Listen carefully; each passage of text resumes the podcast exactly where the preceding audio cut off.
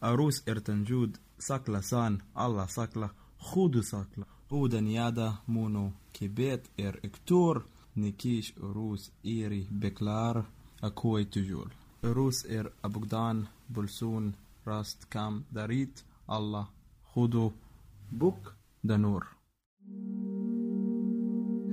Что означает «А Русь Бог да сохранит». Боже, сохрани ее, Господи, храни ее. На этом свете нет страны, подобной ей, хотя и миры русской земли несправедливы. Да устроится русская земля, и да будет на ней справедливость. Боже, Боже, Боже, Боже. Обращение к Богу на арабском, персидском, русском и тюркском языках. У микрофона Инна Шилина. Вы слушаете вторую часть подкаста на русском языке из Клайпеды «Необходимость идентичности. Русские в Литве или русские Литвы». Вы слышали слова Афанасия Никитина из его «Хожения за три моря». Автор памятника древнерусской литературы XV века свободно переключается с древнерусского языка на тюркско-арабский и фарси, записывая кириллицей и обратно на древнерусский. Критики отмечают, что сочинение отличается необычной расовой и религиозной терпимостью для того времени. Попробовать озвучить текст, написанный примерно 6 веков назад, согласился Ахмед Магди из Египта. Он живет в Вильнюсе, изучает компьютерную инженерию в ИГТУ на четвертом курсе. Его девушка русская, друзья литовцы. Он немного читает по-русски и на бытовом уровне знает литовский. Русский для Афанасия Никитина – официальный письменный язык, а тюркский – личный и прежде всего устный. Есть похожие современные ситуации и в Литве, когда в смешанных семьях в Литве дети учатся на литовском, но дома говорят на русском, при этом не всегда умеют на нем писать. Те, кто знают устный русский, пишут при необходимости на транслите, если не понимают кириллицу или к ней не приспособлена клавиатура. Афанасий тоже транскрибировал арабский кириллицей. Название видеоработы Анастасии Сосуновой «Таинство», которую мы обсуждали в первой части подкаста, специально записано ею на транслите.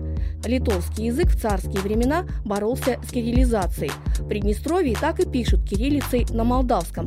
В советское время, в разные его периоды, языки республик Азии и Севера подвергались советскими властями то латинизации, то кириллизации.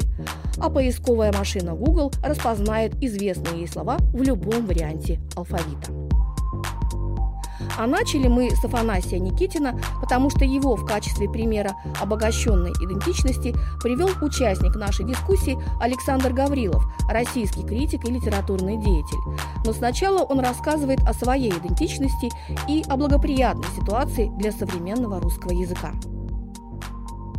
И начну э, со своей персональной этнической истории. Мой папа родился в Киеве, моя мама родилась в глухой деревне под Брянском. Моя дочь от первого брака выбрала жить в Тель-Авиве, а поскольку моя жена родилась в Минске, но является этнической полькой, то я как классический подкаблучник живу в Кракове большую часть, большую часть времени. А я родился в Москве, я настоящий русский, я прямо это самое, плоть от плоти, кровь от крови. Поэтому, как мне кажется, могу смотреть на происходящее сегодня в нескольких ракурсах одновременно и страшно благодарен э, тому, что вот такое благословение на голову мою спустилось. Мы сегодня присутствуем при удивительном процессе, который был Советским Союзом удушен в начале десятых годов 20 века, а сегодня мы снова доделываем не сделанную работу 20 века. Мы присутствуем при формировании полноценной разумной, осмысленной русской диаспоры. Советский Союз очень четко ставил вопрос. Вот все, что в границах Советского Союза, и заодно, что любит товарища Сталина, то русская культура. А что вне, что в Париже, что в Берлине, что Набоков, Бродский, Бунин, Гайта Газданов. Извините, что я привожу в основном литературный пример. Я все-таки полжизни прожил как литературный критик и преподаватель русской литературы в средней школе. Э, вот это все не русская культура, а какое-то безобразие, а русское зарубежье. Да? Потом мы еще это долго сшивали. Вот я хорошо помню, я был аспирант Академии наук, и у нас там был отдельно сектор русской литературы, а отдельный сектор русского зарубежья. То есть мысль о том, что люди, писавшие на русском языке совершенно одинаковую литературу, влиявшие друг на друга, были разделены государственной границей, нуждалась в таком академическом осмыслении. Наверное, они не часть одной литературы. Нет. Сегодня мы видим складывание русской культуры, которая не привязана к государственным границам. Более того, сегодня мы видим складывание русских языков, не привязанных к государственным границам. Сегодня мы видим, что русские писатели, живущие в Швейцарии, или русские писатели, живущие в Армении, или русские писатели, живущие в Таиланде, как, например, известный тайский писатель Виктор Олегович Пелевин, складывают основную, основное ядро русской литературы. При том, что для каждого из них русский язык отделен внешней культурной ситуацией.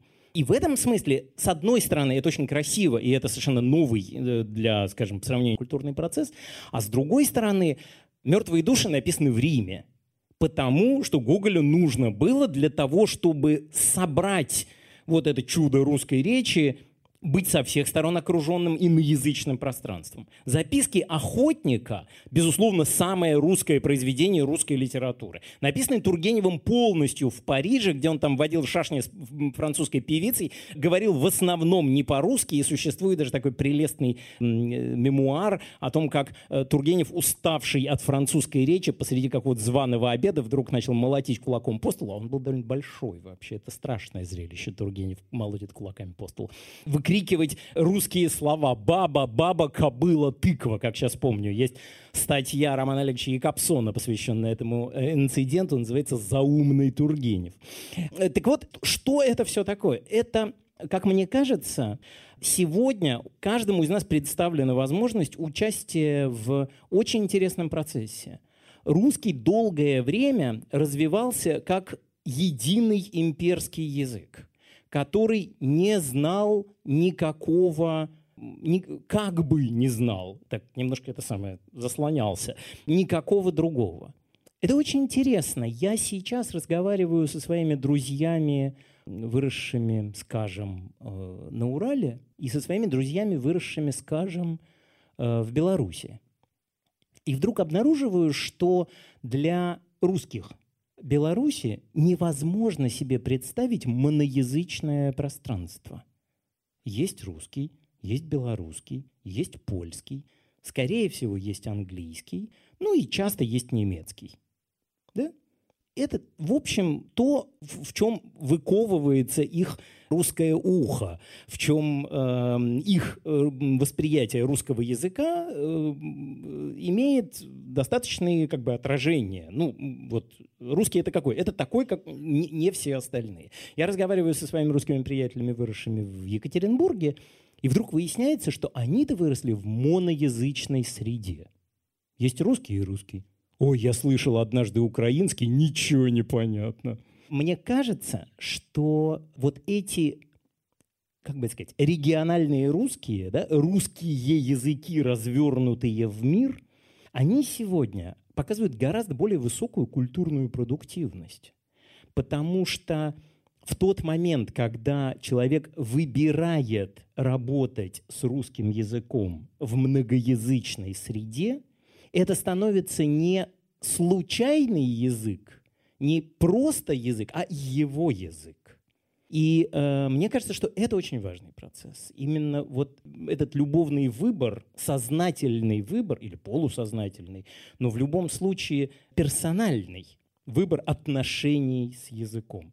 Я русский, потому что я хочу быть русским. Я русский писатель, русский художник, русский документалист, потому что я хочу им быть. Секундочку. Вы таким образом ответили на следующий вопрос, который я хотела вам задать.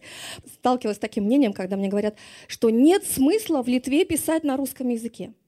Или, например, сталкивалась человек из Москвы, говорит о том, что у нас недостаточно хороший русский язык. У нас на самом деле он изменен и интонационно, да, и значение слов, и мы делаем ошибки и тому подобное. У нас другой язык, и он насыщен другими реалиями. Vienas klausimas. Lietuvių kalba yra seniausia pasaulyje. Приведите. Литовский язык – древнейший язык. Klausant šiandieną renginio temą, susidaro įspūdis, kad nedarom iš istorijos išvadų. Из, из этой дискуссии выходит, что мы не делаем выводов из истории. Dabar vienas paprastas pavyzdys. Vladimiras Putinas. Žinom. Lietuviškai Putinas yra Kalina. Переводе Путин – Калина. Калина. Один вопрос. задам по-русски. Путин литовец в России или русский в Литве?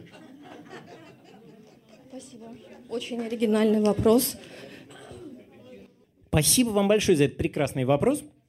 Нет, ну, то есть, знаете что, э, я вас э, мой ответ может вам не понравиться, как учит нас говорить Ирина Вилкова. А, значит, э, вот в, в Канаде, например, есть такая картофельная запеканка с сыром, называется футон.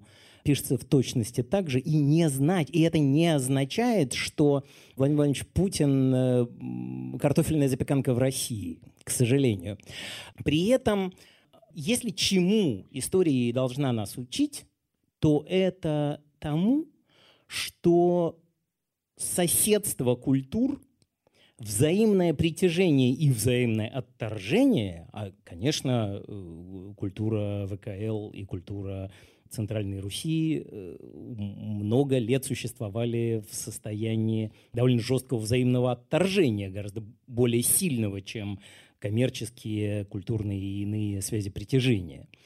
Вот эти соседства рождают по-настоящему значительные и культурные, и исторические обстоятельства. На, на линии этих культурных разломов складываются персональные выборы, культурные стратегии, гораздо более интересные, чем те, которые складываются в глубине культур. Пункт первый. Нет, я не думаю, что фамилия Путин, даже возникшая на северо-западе, непременно литовского происхождения, если я ничего не путаю если я ничего не путаю, то скорее э, этот довольно запутанный, но много используемый в русском языке корень имеет некоторое отношение к Путине, распутью и даже немножко к пути. Но мне важнее в этом вопросе не столько попытка объяснить все, что происходит в России, и даже неудачного президента наблюдением литовской растительности, а вот именно это напряжение, да, которое было в этом продемонстрировано, начать на литовском, перейти на русский, э, сказать, вбросить абсолютно э, абсурдный тезис, все это как, что за страсть наполняет все это? Вот эта страсть от притяжения и отталкивания. И мне кажется, что вот эту страсть, эту энергию мы должны ценить чрезвычайно высоко. Спасибо. Я Простите, мы тогда не успеем послушать других участников. На Руси были и другие памятники русской письменности, когда русский текст записывался арабской вязью или по-арабски, но кириллицей. Например, путевые записи 1656 года, которые вел архидиакон Павел Олепский, церковный писатель середины XVII века. Он повсюду сопровождал своего отца, патриарха антиохийского Макария III – в 1656 году тот впервые посетил Россию, побывал в Москве по приглашению царя Алексея Михайловича. Вот что сообщает комментарий XIX века к той записи разговора царя Алексея Михайловича. Эти слова и весь последующий разговор царя с чтецом в подлиннике записаны по-русски арабскими буквами. Но нам интересна и сама личность Павла Олепского. Он сын православного священника по имени Павел, араба из сирийского Алеппо. Во время крещения был назван Милетием, женился и в браке имел детей. После смерти жены был рукоположен священники, а затем возведен сан митрополита. В 1648 году был возведен сан патриарха под именем Макария III. И именно тот Макарий стал одним из главных идеологов и участников церковных реформ середины XVII века в Московской церкви, проводимых патриархом Никоном, низвергнутым впоследствии до монаха за что Макарий тоже отдал свой голос. В 1655-56 годах Макарий проклял двоеперстие, анафема была принята по местным соборам русской церкви. Макарию Антиохийскому вместе с другими удалось навязать чрезвычайно жесткие по отношению к русским старообрядцам определения. Итак, из древнего Алеппо, едва ли минуя контекст современного Алеппо, мы пришли к другому участнику нашей дискуссии, староверу Анатолию Клеменцову, художнику из Клайпеды. Его предки, старообрядцы, бежали из России от притеснения и оказались в Литве несколько веков назад.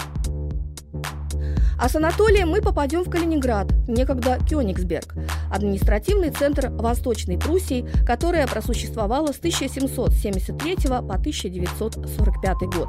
Сначала город онемечился, потом обрусел. Кёнигсберг сильно пострадал от бомбардировок в 1944 году, а крепость, с которой он начинался, заложенную еще тевтонцами в 1255 году, взорвали советские власти. XVI века город стал важным центром литовской культуры. Здесь вышла первая книга на литовском языке, проживали важные деятели литовской культуры Мартинас Мажвидас, Кристионас Данилайтис, Людвигас Реза и другие. В нем родился философ Иммануил Кант и писатель Теодор Амадей Гофман. Интересно, что в 1922 году было организовано воздушное сообщение Кёнигсберг-Рига-Москва из аэропорта Девау, одного из первых аэропортов Европы и мира. Я все-таки пока перейду еще к одному участнику, который у нас уже почти заскучал. Анатолий Клеменцов, он представляет сегодня Клайпеду один против всех. Он коренной житель. И когда я немного читала его предыдущее интервью, он рассказывал про то, что город — это синтез культур, Почему он уехал в Калининград? Я не знаю, почему он из Калининграда вернулся в Клайпеду, но вопрос, что вы нашли в Калининграде, приехав из Клайпеды, и когда вы решили вернуться из Калининграда, что вы нашли в Клайпеде? Э, да. Почему я, почему я переехал, э, почему я вдруг бросил свой город, где родился, где э, друзья, знакомые, товарищи, и уехал в Калининград? Любовь. Ребята, любовь, она приведет не только в Калининград, еще и дальше. Вот. Э, да, и во Львов. Это, это первое. После окончания художественного института, конечно, эмоции, Советский Союз, э, безграничные пространства – дискотека в Калининграде, и увидел свою будущую жену и сказал, боже мой, какая прелесть. И все, я бросаю Клайпеду, переезжаю в Калининград.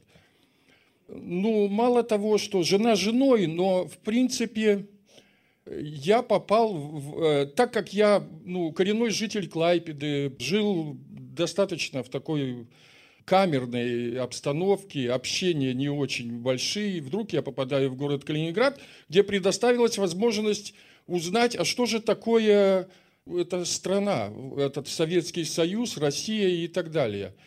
И только благодаря городу Калининграду я узнал эти фантастические просторы, необыкновенное радушие людей, потому что э, эти люди э, смогли меня отогреть, отмыть, э, очистить, в конце концов направить. Благодаря им я узнал Россию, я пропутешествовал вплоть до Байкала, и до сих пор эти люди остаются моими друзьями, соратниками по идее, по мироощущениям каким-то. И я с колоссальной благодарностью люблю их, ценю их. И очень часто бываю в Калининграде, потому что есть некая такая фантасмагорическая зона, это Калининградская область, полувоенизированная, полуокультуренная, полурусифицированная, потому что там сбор э, масса национальностей, абсолютно самобытных, интересных. Слава тебе, Господи, что еще сохранен какой-то э, российский, русский менталитет, что я очень рад этому. Я, я, я, я просто думаю, ну молодцы, черт побери. У, у нас, э, у русских Литвы, этого как-то не, не, не совсем ярко выражено. А в чем разница? Вот что, что есть там, чего нет тут? Ну, ну, понятно, там другое государство, другие отношения, да, другое государство, другие какие-то позиции. Может быть, может быть, э, у нас, у русских Литвы, есть э, некий такой вот э, элемент э, подстраховки, боязни правильности, поймут нас, неправильно поймут. Реакция от этого какая, э, положительная или отрицательная реакция. Или многие могут сказать, вот опять э, этот ставленник э, ВВП, условно, Анатолий Клеменцов или там Иван Сидоров, который популяризирует Владимира Владимировича Путина, вот, и все, и баста. И другой России почему-то не видит, понимаешь? Вот в, в этом заключается какой-то абсурд везде идет подмена каких-то моментов. Вот смотрите, или, например, культура. Вот э, элемент все же по, по Чингизу Айтматому и, и дольше века длится день, да, манкуртизации существует на сегодняшний момент у нас, у русских, так или иначе.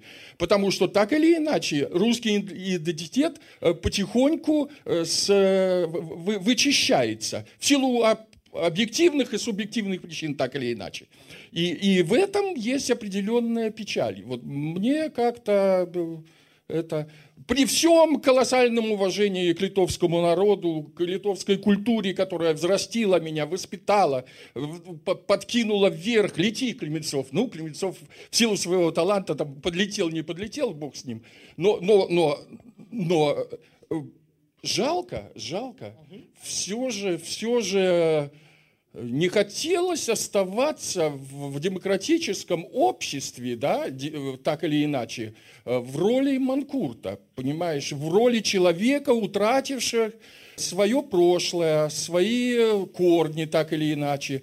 Я по всем представлениям являюсь представителем старообрядческой общины города Клайпеды, так или иначе. Люди, которые прошли колоссальные испытания и сумели сохранить свою идентичность, это, это фантастика. Я сейчас часто просматриваю российского телевидения, где периодично они обращаются к старообрядчеству как некому, к неким первоисточникам вот этой вот этой самостийности как таковой русской. Насколько это правильно, не знаю, но, но исторически это подтверждено подтвердилось, потому что так или иначе, если мы говорим о фольклоре, если мы говорим о традициях э, э, русских, они сумели сохранить э, в 300-летний пребывания на территории Жечи Посполитой или э, э, литовского государства, да, они сумели сохранить свой язык так или иначе. Они сумели передать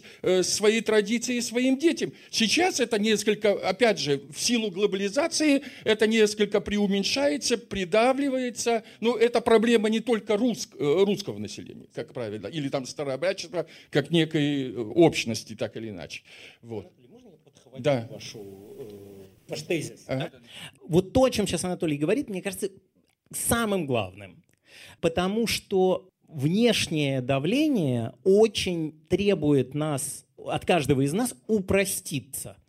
Проще всего человек выглядит для внешнего взгляда, если он берет всю идентичность набором. Вот как-то праздничный набор. Колбаса, сгущенка и еще там это самое, просроченные рыбные консервы. Я думаю, что люди, выросшие в Советском Союзе, помнят этот э, феномен. Если ты говоришь на русском языке, то ты еще должен быть сторонником российской внешней политики, принадлежать к русской православной церкви, желательно, что еще, ненавидеть сексуальные свободы. Э, вот мы вчера наблюдали прекрасно, с большим удовольствием. Ну, э, и, э, и так далее, да? И любая попытка взять не весь набор. Ребята, можно я буду говорить на русском, но только я буду принадлежать древле православной церкви? Ну, не, а, ты, а ты точно русский. Да? И в этом смысле тот исторический опыт, который Анатолий сейчас э, описывал, опыт сохранения древлеправославных общин в, внутри Великого княжества Литовского, они тогда, конечно, не назывались древлеправославными, а назывались просто русскими христианами. Да? Он очень важен. Почему староверские, раскольничьи, древлеправославные общины сохранили свою религиозную и культурную идентичность? Потому, что они в очень значительной степени автономизировались от окружающей среды. Если мы посмотрим на, э, собственно, вот эти самые древлеправославные общины, даже и сегодня в Средней Азии, да, ну там живет прекрасная чистая такая деревня, богатая, красивая. В каждой э, избе есть поганая кружка. Да, потому что не дать проходящему мимо человеку напиться нельзя, а, а пить из одной посуды с этими нехристями тоже нельзя. Ну, Вот, не, не слушайте его. Послушайте. Это вот общепризнанный прием, в котором православная церковь э, пытается представить э, старообрядцев как неких людей, которые действительно раненому, погибшему или жаждущему там испить воды не даст ведь это нормально. Никогда не откажет. не- ну, а он, ну, она-то не отказывает. Ну, почему я должен дать свою э, кружку или кружку моего дедушки, который бьет поклоны, начиная с 4 утра и заканчивая в 10 часов, и приступает опять после тру- трудного... э, т- молодец, правильно. Вот. э, после трудного рабочего дня, э, опять же, с поклонами за утреннее и прочее. Почему я должен отдать кружку? Я, конечно, дам ему отдельную, другую кружку. И пей, мой дорогой, давай, набирайся силы, и, и в путь, и так дальше. Некоторые староверы бежали за Дунай, ныне это Румыния, и дальше в Турцию. А вот Афанасий Никитин шел в Индию еще до Васка де Гамы через Астрахань и Каспийское море, а возвращался через Черное море и Крым, затем через литовские земли и умер от простуды где-то под Могилевым. Макарий же возвращался в Алеппо через Украину, через Киев, где даже встречался с Богданом Хмельницким. В истории все близко, а история 600-летней давности в контексте обсуждаемой темы оказалась очень современной. Похоже, ничего нового мы не переживаем, просто по-своему. Севастской округе и в грузинской земле всего в изобилии. И турецкая земля всем обильна, и молдавская земля обильна, и дешево там все съестное. Да и подольская земля всем обильна, рассказывает нам Афанасий Никитин. культурная автономия и есть то, что позволяет сохраняться. Каждый из нас должен знать, где проходит, по какой кружке проходит его граница. А, Спасибо большое, Анатолий и Александр. А, Если очень коротко. Yra, yra lietuvių ir mongolų yra 3 milijonai. Mongolų ir lietuvių po 3 milijonus. Gal e, gerbiama Vilkova padarys filmą apie lietuvius? И литовцев, и монголов по 3 миллиона. Не хотите ли вы, Ирина, сделать про это фильм? Про то, что 3 миллиона. И тех, и других. А, про... Я делаю фильмы только про любовь, а уж кто там монголы, литовцы, меня вообще не интересует. Кто у нас еще сегодня вообще не задавал вопросы и хотел бы? Очень хорошая дискуссия получилась, но не хватает исторического аспекта, хотя о нем вначале сказал Грубляускас, наш мэр, и ведущая тоже. Это в Российской империи когда-то Литва была. Это вам всем известно. Российская империя пала сто лет назад с лишним. И тогда вместе с ней упали и другие империи – и германская, и австро-венгерская, и многие другие. Поэтому мир меняется, все правильно. Но не надо забывать, что сейчас Европейский Союз – это тоже империя. И Россия – это тоже новая империя в новом качестве. Империи остаются, они имеют границы свои, они имеют население. Поэтому давайте не забывать о том, что Литва, допустим, да, это страна это Матери Марии, да, но она была когда-то, и Ковна было, и Вильна было, и в составе когда-то польского государства, когда Великое княжество Литовское тоже владело от моря до моря. Ну, давайте эту историю не забывать. Это как комментарий, да? Это не вопрос. И будут ли еще вопросы? Так, я выслушал тут э, всех вас, значит, по поводу церкви как таковой и русских, особенно молодежи. Молодежь – это бунтари. Они идут поначалу против. Но тут такая ситуация интересная, особенно сейчас в Литве, я сам ее остро ощущаю, что, скажем так, мне не хватает русского. Мне не хватает не то что русского, славянского, потому что славянский дух, братья славяне. И где это можно на сегодняшний день увидеть? Где можно пообщаться? Это церковь. Поэтому те, кто к этому уже пришли состоянию, ведут туда своих детей. Не для религии, для общения. Это раз. Потом, религия – это такая вещь, что к ней надо прийти самому. Туда нельзя привести. В качестве небольшой ремарки по поводу церкви, я недавно совершенно случайно попала на поэтический вечер, и там было больше людей, чем здесь. И всю эту нашу вот эту вот русскую среду оживили именно люди, которые сейчас прибывают из Беларуси, из Украины, из той же России. И оказалось, культурная жизнь на русском языке, она сейчас, вот, по крайней мере, в Вильнюсе, очень ожила у церкви в этом смысле нет культурной монополии. То есть я знаю э, религиозные общины, которые в том числе и занимаются некоторой культурной работой э, на э, ряде славянских языков. Э, но вообще-то для того, чтобы собраться вместе, говорить э, о русском или говорить по-русски, совершенно не обязательно, чтобы у тебя на голове был нарисован крестик. Я в этом смысле ровно тот бунтарь, который, значит, взбунтовался против позднесоветской действительности, пошел в русскую православную церковь, потому что поверил в Христа. Э, и я понимаю поход в церковь как форму бунта. Но я также хорошо понимаю, что для того, чтобы структурировать как-то культурную культурную русскую жизнь, может быть, даже и лучше структурировать русскую культурную жизнь, а не сходить в церковь, потому что вот это как раз, мне кажется, ну, получать э, готовый набор. Вот тебе, значит, русская жизнь, и к ней прилагается э, РПЦ. Не обязательно, не обязаны прилагаться. Но порой понимаете, что вся русская культурная жизнь у нас прививается через э, условных Киркоровых, Басковых и, и, и, и других. И э, местное э, коренное население, литовцы, ну, интеллектом, естественно, возмущается. Что это за привитие культуры как таковой? Это элементарное развращение, так или иначе.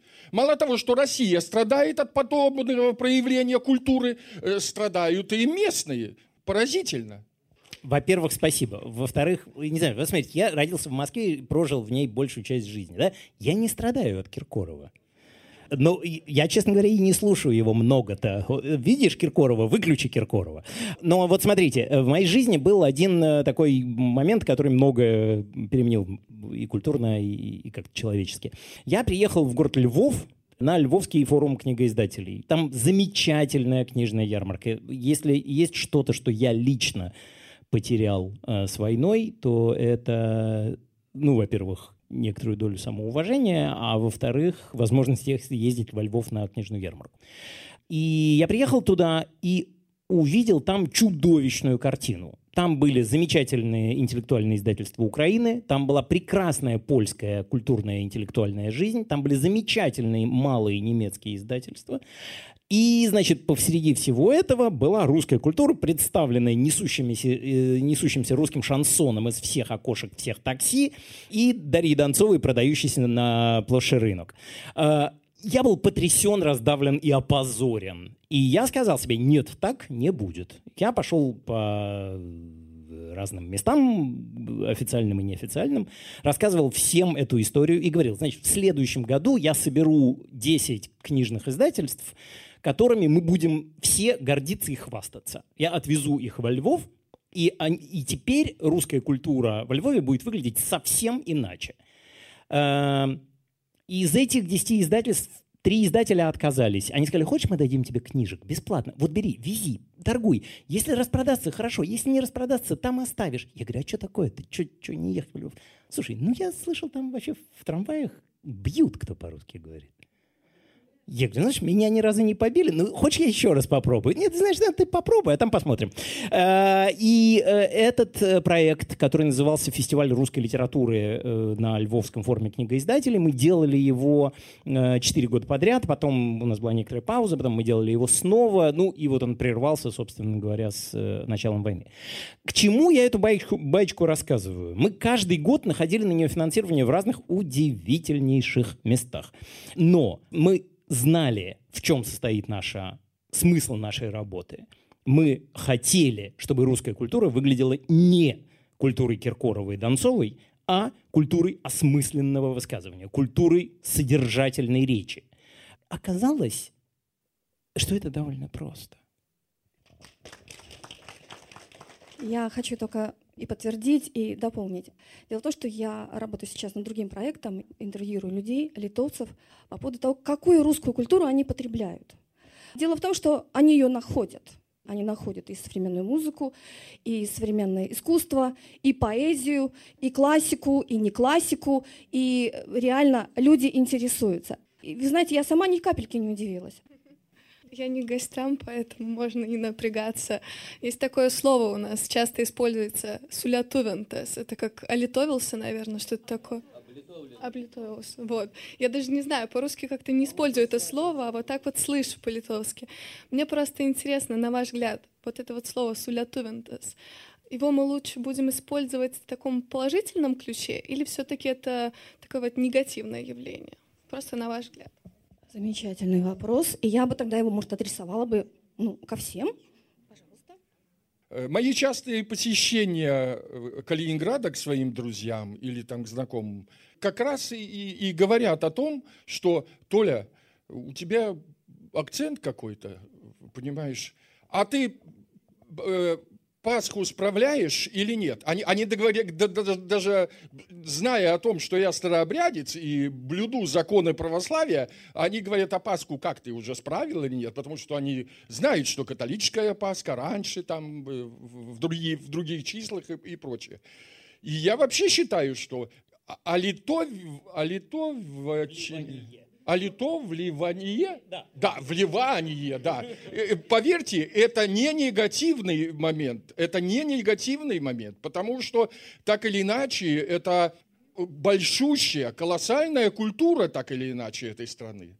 И я тут не стараюсь быть э, удобоваримым, но это действительно интересная, самобытная культура страны, в которой мы живем. И надо нам, русскоязычным, относиться к этому очень э, трепетно и, и с большим уважением. Я искренне об этом говорю. Это только лишь поможет нам в проявлении своего э, идентитета, мышления и прочее. Я не считаю это негативом, скорее наоборот.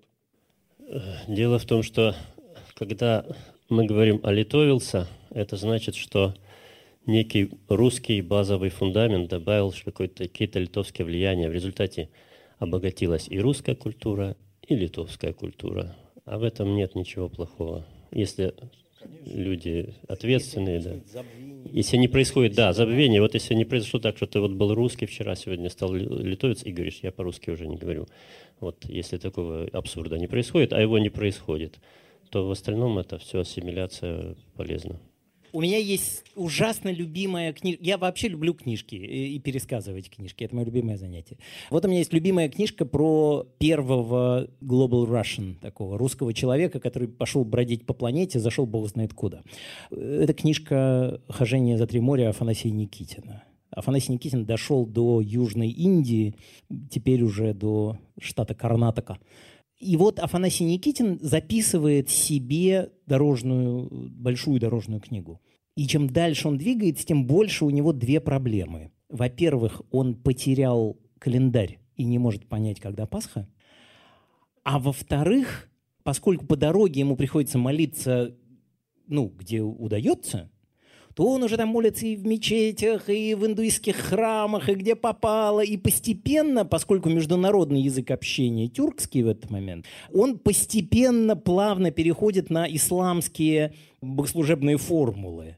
Потому что, значит, молятся на всех языках, какие под руку попались.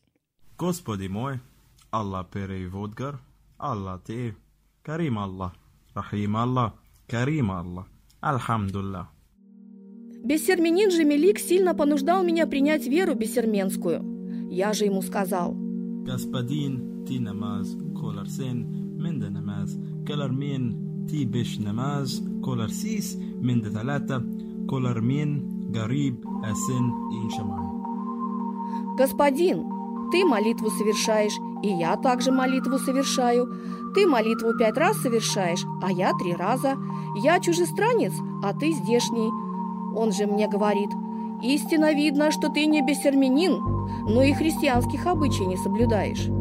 И я сильно задумался и сказал себе, «Горе мне окаянному с пути истинного сбился и не знаю уже, по какому пути пойду». Это поразительный пример того, как на протяжении этого текста человек вот, ну, не облитовился, потому что он не в Литву пошел, совсем наоборот, там обиндился, э, обмусульманился, и при этом остается предельно русским христианином, человеком, для которого день празднования Пасхи – это самое важное, что вообще может быть, после того, как его чуть не убили, ограбили, выкинули каким-то бандитам, продали в рабство, отдали в шпионы. Когда Пасху праздновать? 20 секунд. Я приведу очень пример актуальный для Литвы. В дополнение к вашему примеру, у нас в Литве, можно сказать, и в России в, перв... в, то, в первую очередь был замечательный философ Лев Корсавин. Его выслали на теплоходе философов из России в 20-е годы. И когда он за границей, находясь уже в эмиграции, выбирал, куда ему поехать, в Англию ему поступило предложение из Оксфорда, ему поступило предложение из Каунаса. Он выбрал Каунас, потому что Каунас ближе к России. Да, потому что Каунас был ковно, то есть там ближе ему было, роднее. И тем не менее, приехав, мы поставили условие, что ты выучишь, по-моему, за три года литовский язык. У него были склонности, к счастью, а, к языкам. Он выучил язык за два года. Мало того, он так читал лекции на литовском языке, что его литовские студенты и профессора, в том числе коллеги, приходили послушать, насколько может быть красивый литовский язык. И а, он написал несколько книг по философии. И когда его уже потом, во время Второй мировой войны, по-моему, или после, я боюсь уже ошибиться, его сослали в Сибирь, Сибирь. Рядом с ним находился врач-литовец. И из уважения к нему, когда он уже умирал, он вшил его тело капсулу, и по этой капсуле его нашли. Вот по мне, это, вот это хороший пример. Очень благодарна э, вам, батюшка, что вы упомянули, что облитовливание — это не значит замещение. Это значит, что ты таким образом проявляешь уважение к чужой культуре, которая рядом с твоей сосуществует, соседней, или, может сказать, памятес культура, то есть это культура твоей, можно мачхи сказать, но тем не менее ты не теряешь свою культуру. Заметьте, литовская культура усиление приобрела тогда, когда началась русификация, а они вернулись к своим корням. И здесь мы, находясь в Литве, мы можем испытывать то же самое, не разбрасываться, а, например, с благодарностью относиться к тому, что с нами происходит. Как говорится, обновление в фильме было сказано, вот в первом, который был показан, это нам, живущим здесь, происходит обновление. Извините за ошибки в русском языке, волнуюсь. Не было ошибок. И я считаю, что последний комментарий очень так логично подводит нас к последней видеоработе. Она очень короткая. Это тоже Анастасия Сусунова. И мне остается только поблагодарить участников дискуссии. Хотелось бы еще дальше продолжать, но уже показывают, что мы должны закругляться. Man atrodo daug kas teicis Jokra vadina, где Михаила Шо. В этой видеоработе, а значит и в общественном пространстве, нашел себе место и другой литовский язык с русским акцентом или, если хотите, со славянским. Один из самых распространенных вариантов произнесения литовского языка в Литве после нормативного, не говоря об акцентах современных литовских мигрантов, то есть легко возможных, частых, но при этом довольно редких в литовском медийном пространстве. Пасаращица Николая Заболоцкий был в итоге Писателя Николая Заболоцкого была такая идея, что все люди должны покинуть Землю, и только тогда закончится эксплуатация других сущностей.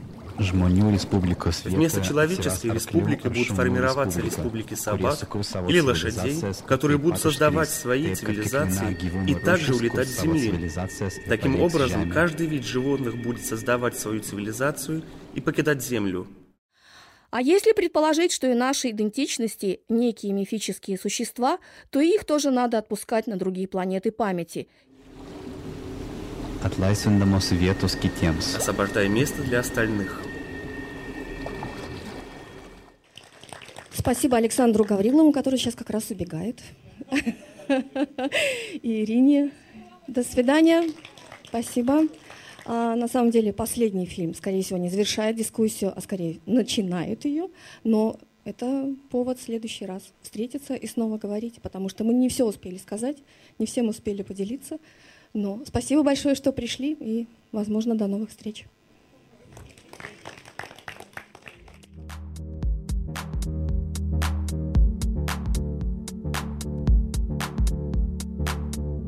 Вы слушали подкаст Найла на русском языке. Его подготовила команда «Нанук».